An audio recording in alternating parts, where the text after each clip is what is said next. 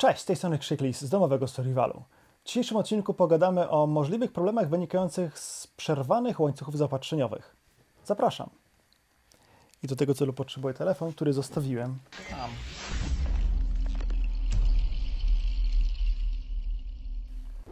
Mam duży kłopot z tym materiałem. Nie wiem do końca, jak go nagrać, bo nigdy nie chciałem Was jakoś szczególnie straszyć. Uważałem, że ludzie, którzy na nasz kanał przychodzą, już wiedzą, że koniec świata, jaki znamy, jakieś takie większe kataklizmy mogą się przydarzyć i nie trzeba im tego dodatkowo tłumaczyć. Wystarczy tylko pokazać, jakby z czym te zagadnienia, z czym te wydarzenia będą się wiązać i jak na te scenariusze będą mogli się przygotować. Kiedy więc nagrywaliśmy materiał po wkroczeniu wojsk rosyjskich na Ukrainę, to nie zatytułowaliśmy go Uwaga, będzie wojna z Ukrainą albo z Rosją, przygotujcie się na to, nie? Tylko nagraliśmy materiał zatytułowany i ukierunkowany, jak przygotować się na ewentualną wojnę z Ukrainą czy z Rosją.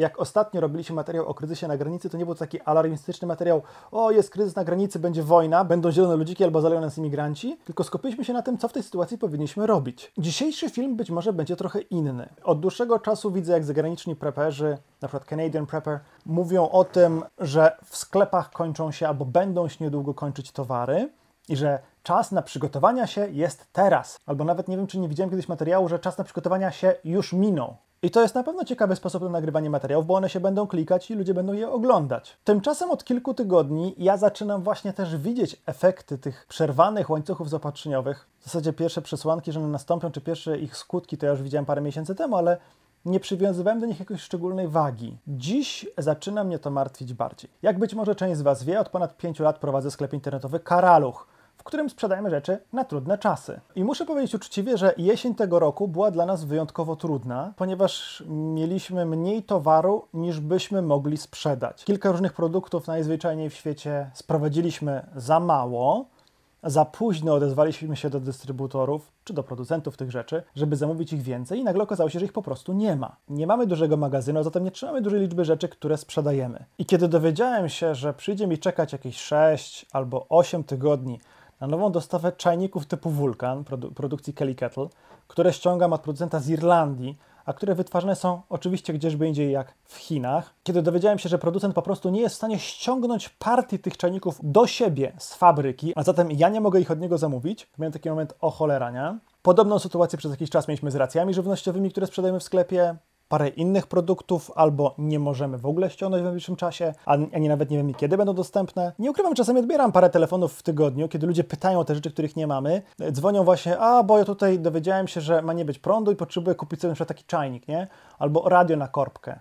A ja akurat nie mam, czekam na dostawę, albo wiem, że tej dostawy w najbliższym czasie nie dostanę. To ludzie są bardzo często no, troszkę zasmuceni, nie powiem, że zrozpaczeni, bo to nie jest oczywiście aż tak duży problem, ale słychać z ich głosu, że oni powinni byli te zakupy na trudne czasy zrobić wcześniej. Ja nie lubię straszyć i opowiadać z kilku względów. Po pierwsze, dlatego, że nigdy nie mam pewności, czy rzeczywiście scenariusz, którego ja osobiście się obawiam, faktycznie nastąpi, a zatem nie ma powodu, żeby Wam mówić, żebyście się na to przygotowali. Ale po drugie, nie chcę tak robić dlatego, żeby nikt nie mógł mi zarzucić, że ja w ten sposób buduję nasz biznes. Nasz biznes na domowym survivalu i nasz biznes w sklepie internetowym. Że straszymy ludzi i na tym straszeniu zarabiamy pieniądze. Bardzo bym tego nie chciał. Ale muszę powiedzieć uczciwie, że dziś mam wrażenie, że część ludzi, którym brakuje takich podstawowych rzeczy, do przeżycia sytuacji awaryjnej mogą mieć problem. Nie dlatego, że ta sytuacja awaryjna wystąpi w ciągu najbliższych tylko ty kilku tygodni, tylko dlatego, że ta osoba teraz niepotrzebnie się będzie przez te kilka, może kilkanaście tygodni, nie, będzie się niepotrzebnie stresować,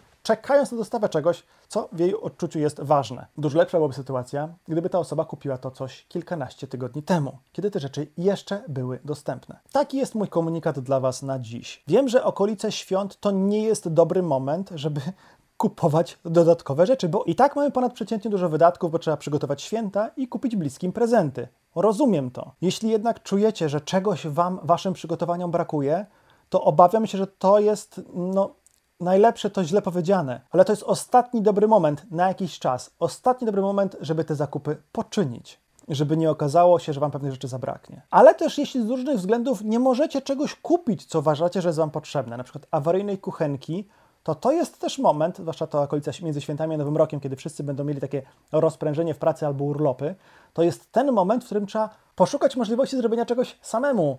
Czyli zamiast kupować tę kuchenkę na spirytus, po prostu zrobić taką kuchenkę z dwóch puszek. W preparingu nie chodzi o kupowanie gadżetów. Chodzi o kupowanie sprzętów, które podnoszą Wam jakość życia na co dzień, a jednocześnie pozwolą zaspokoić jakieś ważne potrzeby w sytuacji awaryjnej. Na przykład kupujemy filtr do wody, z którego będziemy korzystać na wycieczkach, żeby nosić ze sobą mniej wody, a gdy tej wody w kranach zabraknie, użyjemy go do uzdatnienia tej, którą nam się uda zdobyć. Ta kuchenka, o której wspomniałem, będzie używana na wyjazdach na ryby, albo na wycieczki, albo na działkę, a w sytuacji awaryjnej posłuży do zagotowania obiadu. Ale zróbcie sobie teraz taki rachunek sumienia pod kątem tego, czego Wam jeszcze brakuje. Dobrym punktem wyjścia będzie checklista na Blackout, o której mówiliśmy pod koniec tego filmu. A na tej playliście znajdziecie komplet podstawowych, najważniejszych informacji, od których warto byłoby zacząć. Do zobaczenia. Cześć!